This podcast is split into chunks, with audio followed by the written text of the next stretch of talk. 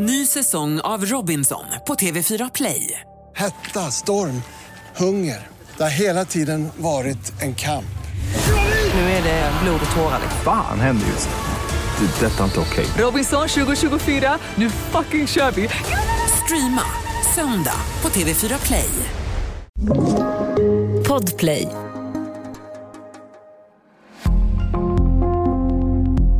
Välkommen till True Crime-podden Sommar. Det här är en podd för dig som älskar true crime. Och för att göra det enklare för dig att få den mest spännande true crime-lyssningen har vi samlat de bästa avsnitten och poddarna från Podplays katalog. Vi hoppas att du ska få en riktigt bra och rafflande sommarlyssning och förhoppningsvis också hitta en ny favoritpodd hos oss på Podplay. Jag heter Hasse Aro och jag kommer att vara din guide hela sommaren. Tack för att du lyssnar.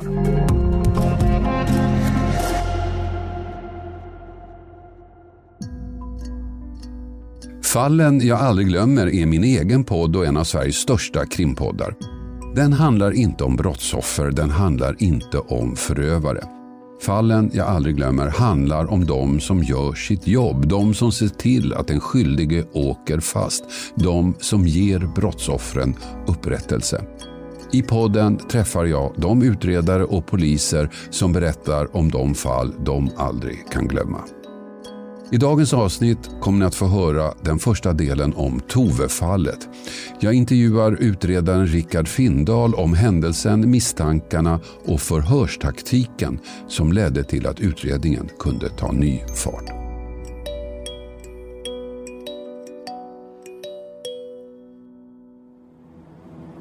Jag tänker ofta på det när jag är inne på häkten och liknande, att det är en väldigt tuff miljö.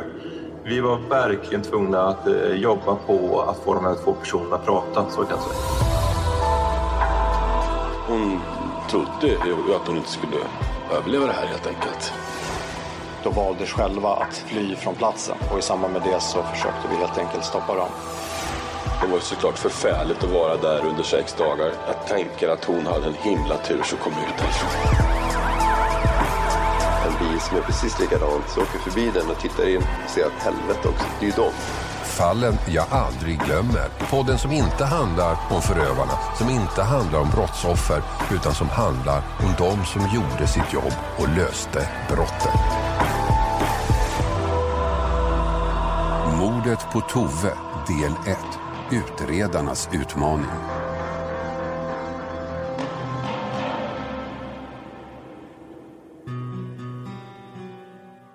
Det blev ett av årets mest uppmärksammade brottsfall. Och det kanske inte är så konstigt. I en tid präglad av gängskjutningar, hämndbegär på skitsaker, unga män i utsatta områden så stack det här fallet verkligen ut. Tre unga kvinnor 18, 20 och 21 år gamla. Väninnor i en liten svensk stad med vanliga liv. En går i gymnasiet, de andra två jobbar. Det kunde ha varit dina döttrar eller systrar. En till synes helt normal tillvaro. Men det var det inte. Det blir en utekväll där allt går fel. En av väninnorna, 21-årige Tove, mördas av de andra två, skulle det visa sig. Men det tog sin tid. Historien börjar lördagen den 15 oktober 2022. En fredag, det är partykväll. Den 20-åriga tjejen har förfest hemma hos sig. 18-åringen är där.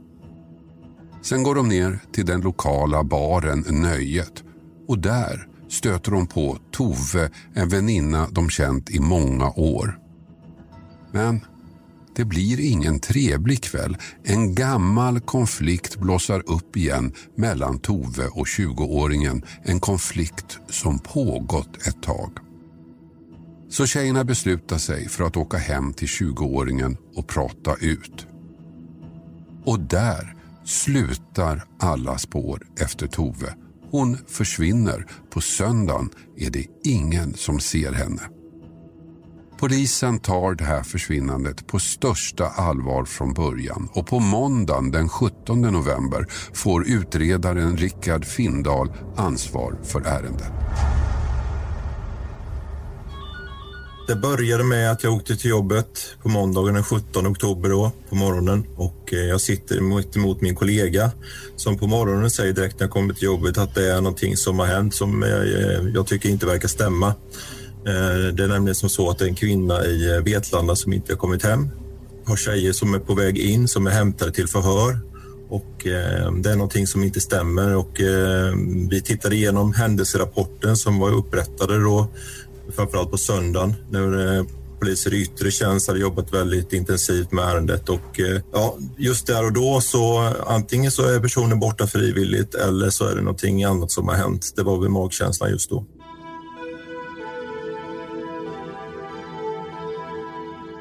Eftersom de två väninnorna, 18 och 20 år gamla, var de sista som sett Tove i livet så är det naturligt att de hördes av polisen. Och det här sker redan på söndagen, dagen före Rickard Findahl får ärendet. Och det första samtalet var hemma i 20-åringens lägenhet och redan där var det konstiga saker som upptäcktes. Man har gått in i den här lägenheten som har varit aktuell och för att de hade lagt mycket fokus på den här 18-åringen och 20-åringen med tanke på att eh, de hade fått reda på att de var de sista personerna som Tove i det här fallet hade träffat. Och i våran värld och inom polisen så, säga, så är de alltid väldigt intressanta med att få information ifrån var den här personen eh, tog vägen eller skulle göra eller vad som hände. Eh, de fick en känsla i lägenheten att den var väldigt välstädat och de observerar också då lite plastpåsar på ett köksbord och deras förhör initialt stämde inte riktigt överens. Eh, så det var någonting som de hade studsat på, så att säga, patrullerna inledningsvis. Ja, misstankarna uppstår alltså direkt. Det är något som inte stämmer. Så båda tjejerna blir kallade till förhör igen. Nu lite mer formellt i polishuset. Och det blir deras sista dag i frihet skulle det visa sig. Det är en hämtning till förhör och det är då en FU-ledare som har varit väldigt aktiv på jouren och på höglandet här som har gjort en hämtning till förhör. Och det baseras då på att eh, lite magkänsla och magkänsla kan man inte säga, men det var någonting som inte stämde med deras berättelse initialt vid de här första förhören som hade hållits i Vetlanda med de här tjejerna. Och eh, vi från Grova Brotts sida, vi kliver på det här eh, och eh, vi håller då förhör med de här 18-åringen och 20-åringen och de får återigen redogöra för vad som hade hänt. Och tjejernas berättelse är tämligen enkel. De hade åkt hem till 20-åringens lägenhet. 18-åringen hävdar att hon somnat och när hon vaknat var Tove borta. Och 20-åringen hävdar att Tove var där ett tag och sen åkte hem. Men redan i den här enkla berättelsen finns två saker som inte riktigt går ihop. Det ena är Toves cykel. Varför står den kvar om hon nu åkt hem? Och varför har någon flyttat den en bit från porten till 20-åringens hus? Men det som är eh, intressant och, och, som vi eh, jobbade med är också att den här cykeln också var anträffad på ett märkligt ställe. Den var förflyttad eh, från platsen. Och den andra intressanta uppgiften kommer från grannen. Vi hade också en granne då som också inledningsvis var hörd, som hade hört kraftiga dunkar från den här lägenheten eh, och dessutom varit uppe och ringt på utan att eh, han, någon hade öppnat. Så det var mycket saker runt omkring de här två tjejerna som vi inte fick någon riktig klarhet i eller redogörelse. Framförallt de här dunkarna då, det skulle ju vara en av de här tjejerna som hade ramlat och eh, hade kräkts och men några rester att någon hade kräkts finns inte i lägenheten. Och grannens berättelser blir allt mer märklig. För efter att han knackat på dörren och ingen öppnar så går han ner till sig igen. Men så hör han efter ett tag hur någon är i trapphuset. Han öppnar dörren och möter 20-åringen. Hon ser lite förvirrad ut men säger att hon ska till McDonalds. Han tycker att hon är för berusad att köra och erbjuder sig att skjutsa henne och väl där köper hon en cheeseburgare och sen åker de tillbaka. Det märkliga är, visar det sig senare, att Toves telefon också varit på McDonalds, men inte hon. Vi fick väldigt tidigt också Toves mobilrörelser, så att säga, att de hade rört sig upp till McDonalds. Telefonen hade i alla fall gjort det. Och där kunde vi då se att det här stämde absolut inte överens med 20-åringens berättelse att hon hade varit på McDonalds tillsammans med grannen och grannen kunde inte heller redogöra för att det hade varit med någon, någon mer än eh, den här 20-åringen i bilen. Så där var vi ganska direkt att här är det någonting som inte stämmer. Och eh, det var nog anhållningen så att säga som också senare resulterade då till en, en häktning.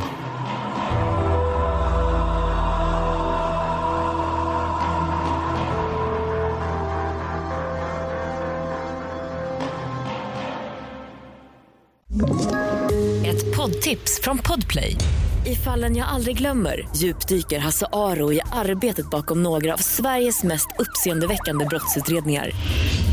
Går vi in med hemlig telefonavlyssning och, och då upplever vi att vi får en total förändring av hans beteende. Vad är det som händer nu? Vem är det som läcker? Och så säger han att jag är kriminell, jag har varit kriminell i hela mitt liv men att mörda ett barn, där går min gräns. Nya säsongen av Fallen jag aldrig glömmer på Podplay. Ja, nu är det uppe i fyra märkliga detaljer som talar emot tjejernas berättelse. För det första, det har varit bråk i lägenheten. För det andra, hennes cykel står kvar men har alltså flyttats bort från porten. För det tredje, varför skulle 20-åringen till McDonalds mitt i natten? Kanske var det så att hon var på väg att göra något annat men blev påkommen av grannen och hittade på det här med McDonalds. Och för det fjärde, det konstigaste av allt. Toves telefon var med på McDonalds mitt i natten, men alltså inte Tove själv. Fyra märkliga omständigheter som tillsammans ger underlag för att häkta de två tjejerna. Fallet som redan varit uppmärksammat i media blir än mer omskrivet. Även vi på Efterlyst går ut och söker tips. Vad har hänt 21-åriga Tove som försvann i Vetlanda natten mot i söndags? Sökinsatsen pågår för fullt men än har inga spår hittats efter henne. Två andra kvinnor som är bekanta med Tove har häktats misstänkta för människorov. Jag tycker det är eh, ledsamt, eh, tragiskt för anhöriga. Det berör, verkligen. Eh, och eh, vi gör allt vi kan för att hitta henne, framförallt vid liv. Det är det vi jobbar ute efter nu. Det var vid 11-tiden i söndags som polisen fick in en anmälan. 21-åriga Tove var försvunnen efter en utekväll i Vetlanda och polisen misstänkte snart att det kunde röra sig om ett brott. Misstankarna riktades tidigt mot två unga kvinnor bekanta med Tove och som setts tillsammans med henne under kvällen innan hon försvann. De båda kvinnorna som setts tillsammans med Tove innan hennes försvinnande är sedan tidigare ostraffade. Men idag häktades båda på sannolika skäl misstänkta för människorov. Vet du något mer om vad som hänt i Vetlanda? Hör av dig till Efterlyst 08 702 0090. Och enligt uppgifter i Expressen ikväll så ska Toves telefon ha kopplats upp i en av kvinnornas lägenhet mitt på natten. Dessutom ska det ha hörts bråk från den lägenheten. Och medan tjejerna sitter och tiger i häktet fortsätter utredningen bland annat i lägenheten. Lägenheten där 20-åringen alltså bor, lägenheten där Tove bevisligen har varit i. Ja, men det, så är det ju. Vi gör ju en teknisk eh, undersökning undersökning. Vi har tekniker på plats och eh, vi gör undersökning och i samband med den så anträffas det ju som man har sett i förundersökningar. Det är granbar i sängen och det är en plastpåse som eh, hittas på bordet eh, och lite andra saker då som ja, vi tycker är intressanta. Men vi är ändå där. Vi har två unga tjejer, 18 och 20. Men det finns ju egentligen ingenting som bevisar att ett brott har begåtts. Märkliga detaljer räcker inte för en fällande dom. Och det kunde ju vara så att något helt annat egentligen hade hänt. Det finns en risk att missa något om utredningen låser sig enbart vid de två väninnorna.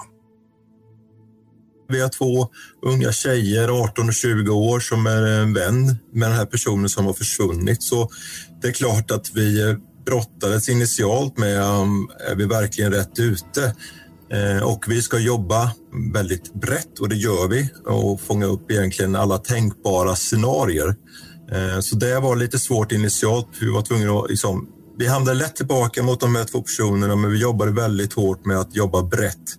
Men eh, åklagaren som i det här fallet var initialt var Rullman då, som har varit med på hela resan. Han eh, började fatta misstankar mot de här två ganska tidigt. Eh, men vi, som sagt var, vi uteslöt ju inga andra tankar eller idéer som vi hade också, eh, som kunde ha hänt Tove helt enkelt. Men det finns en sak som gör att allting går i stå. En sak som gör att utredningen inte kommer framåt. Att pressen på de två misstänkta inte kan ökas mer. För ingen vet ju var Tove finns. Letandet pågår dag efter dag. Sökinsatsen blir större och större. Område efter område söks igenom. Hundratals frivilliga deltar. Ja, men vi, vi, jobbar ju efter, vi har vår egen, det kallas CFB, då, efterforskning av försvunna personer. Eh, och eh, sen gick vi in också där man med lag så att säga kan använda sig av räddningstjänst och vi har möjlighet att gå in i eh, alla utrymmen som man kan gå in i så att säga ut med, med hjälp av lagstöd. Då. Eh, och den bedrevs centralt i Vetlanda och den startade upp ganska omgående. Vi hade även helikopter på plats och, och eh, vi hade även Missing People som engagerade sig.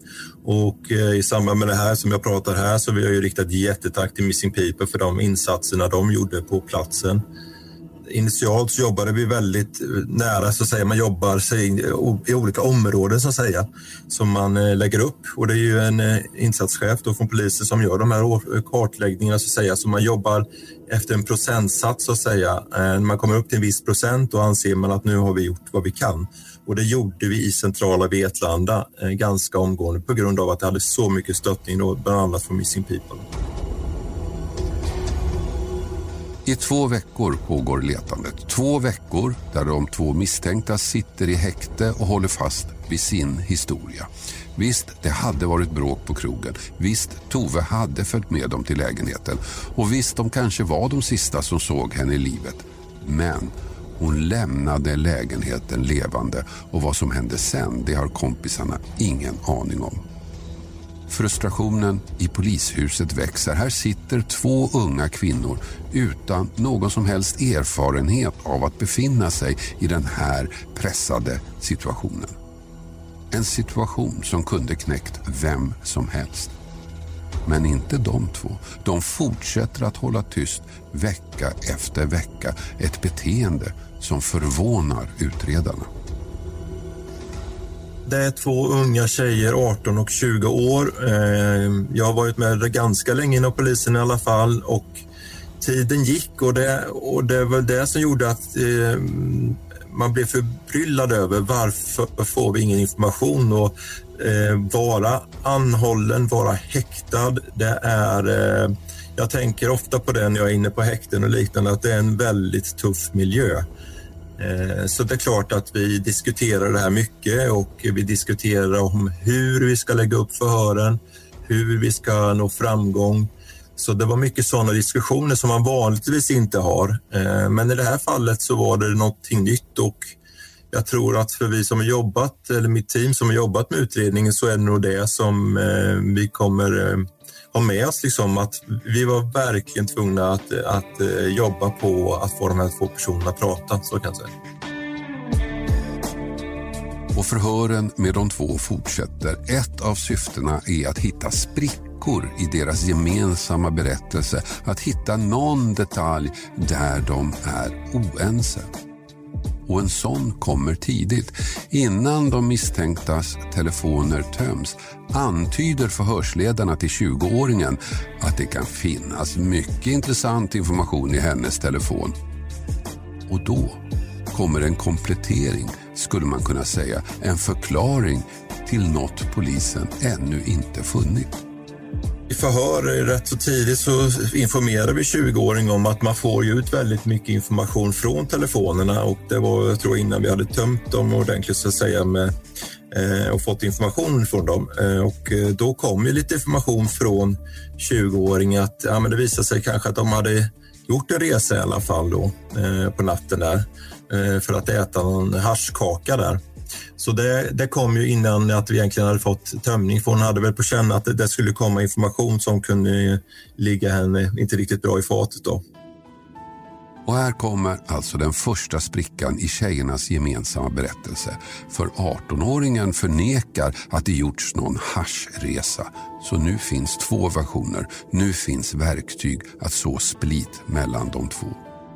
Och mycket riktigt, när 20-åringens telefon analyseras så framgår det att den varit ute på en resa på mordnatten. Men inte på någon haschresa skulle det visa sig senare. Bilen eller telefonen hade rört sig på natten då. Och eh, vi kunde också eh, efter att ha gått igenom alla butiker och matvarukedjor och allt annat i Vetlanda med gäller övervakningsfilm så hittade vi också övervakningsfilm som, där vi kunde se en liknande bil som 20-åringen har lämnat Vetlanda under natten. Och med den informationen så kunde jag också eh, med hjälp av Missing People rikta om insatserna till eh, mera intressanta områden och det var mot områden där vi sedan anträffade Tove. Det är den 2 november, 18 dagar efter försvinnandet, som polisen gör fyndet. Gömt i skogen ligger Toves döda kropp. Att vi hittar henne där det är ett eh, arbete då som analytiker och IT-forensiker har jobbat med och eh, jobbade fram den här platsen. Det var, vi hade, I början så hade vi olika platser och ingen så här, Eh, vi, vi, kunde se att eh, hade varit på platsen men vi visste inte datum och tid initialt. Så där var mycket eh, att vi jobbade med hundförare, att eh, skicka dem till olika platser där vi tänkte att här kan det vara, men vi hade ingen datum och tid initialt. Men sen så i början då på eh, november där så, så fick vi en plats och vi skickade en hundpatrull dit och det gick någon, ytterligare en timme. Sen så fick jag ett samtal då från den här hundföraren där de berättade för mig då att de hade anträffat eh, en kropp.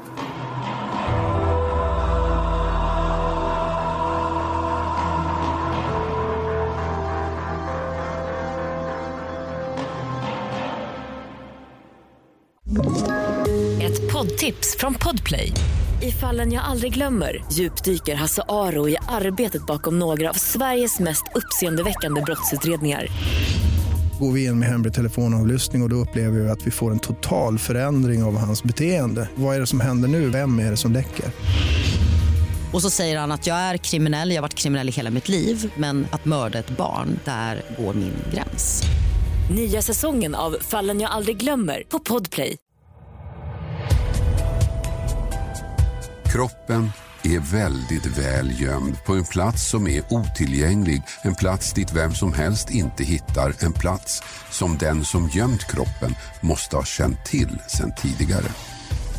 En plats 20-åringen vistas på ofta visade sig. En plats som alltså hennes telefon befunnit sig på.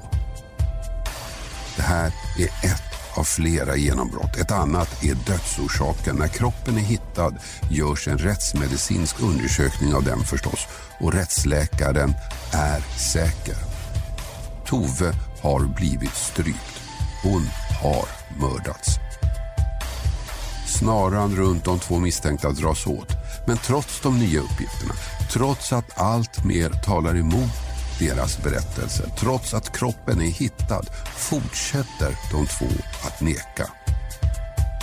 Men utredningen går vidare och nya viktiga pusselbitar dyker upp. Märkliga saker.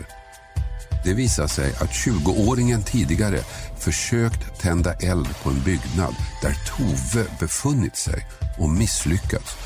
Inte nog med det. I 20-åringens telefon hittas också en musikvideo hon gjort. En låt som handlade om hur mycket hon hatar Tove.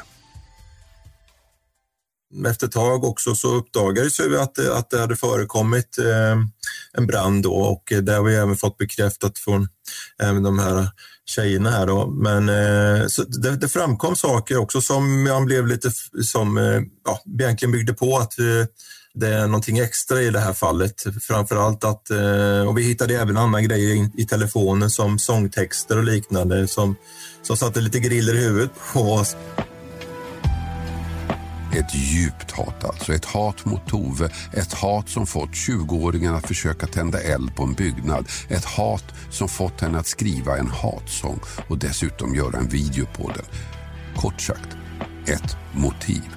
Ett motiv starkt nog att mörda för, kanske.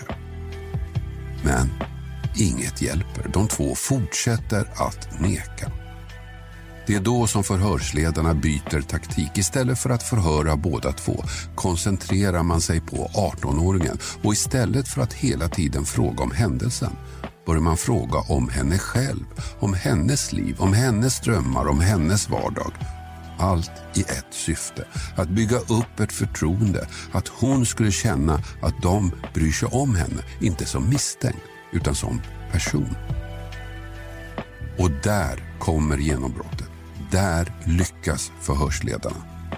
Den 2 december, nästan sju veckor efter att Tove försvunnit och på dagen en månad efter att kroppen hittats tar 18-åringens advokat kontakt med utredarna. Hans klient vill ha ett samtal. Hon vill träffa polisen. Och det som började med den skilda berättelsen om haschresan och som fortsatte med att förhörsledarna satsade på att vinna hennes förtroende ger nu resultat. För nu kommer en annan berättelse, en som ligger betydligt närmare sanningen. Och det här är historien som 18-åringen berättar. Så här lät det när hon gjorde det i rätten. Jag går och lägger mig. Och vad händer då? Eller vad gör du? Ja. Eh, nej men jag eh, somnar igen. Och sen som jag förstod dig rätt när du berättade fritt så, så blir du väckt av...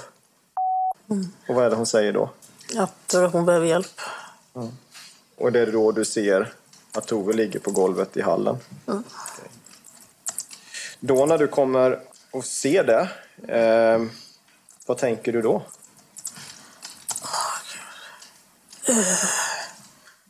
Men jag, jag var så chockad och... Alltså jag... Jag vet inte, alltså... Jag vet inte. Frågar du vad det är som har hänt? Nej, inte just då. Varför gör du inte det? Därför jag... Alltså jag, jag har varit så chockad och så... Och liksom frös till is. Och... Ja. Sa hon vad som hade hänt? Nej. En ny historia alltså, en historia som bekräftar att Tove har dött i lägenheten. En historia där 18-åringen hävdar att hon sovit hela tiden och blir väckt när Tove redan är död. Alltså en historia som pekar ut den andra 20-åringen som skyldig. Inte helt ovanligt när två personer är misstänkta för samma brott. Den har sina brister, den här historien, men den ligger definitivt närmare sanningen än den historia båda två hittills berättat. Ett stort steg framåt. Nej, men jag tror att eh, om man ser till 18-åringen så handlar det om att eh, de som höll förhören med 18-åringen gjorde ett bra jobb och de fick henne att inse att eh, jag måste tala för mig vad jag har gjort Eh, och berätta. Eh, jag tror också att det fanns ett behov av att berätta. Men det finns brister i historien. Bland annat att 18-åringen hävdar att hon mått dåligt och kräkts. Det finns ju inga spår efter något sånt i lägenheten. Så frågan är, hur nära sanningen är vi? Det pratar vi om i del två av den här historien. Mordet på Tove, väninnornas berättelse.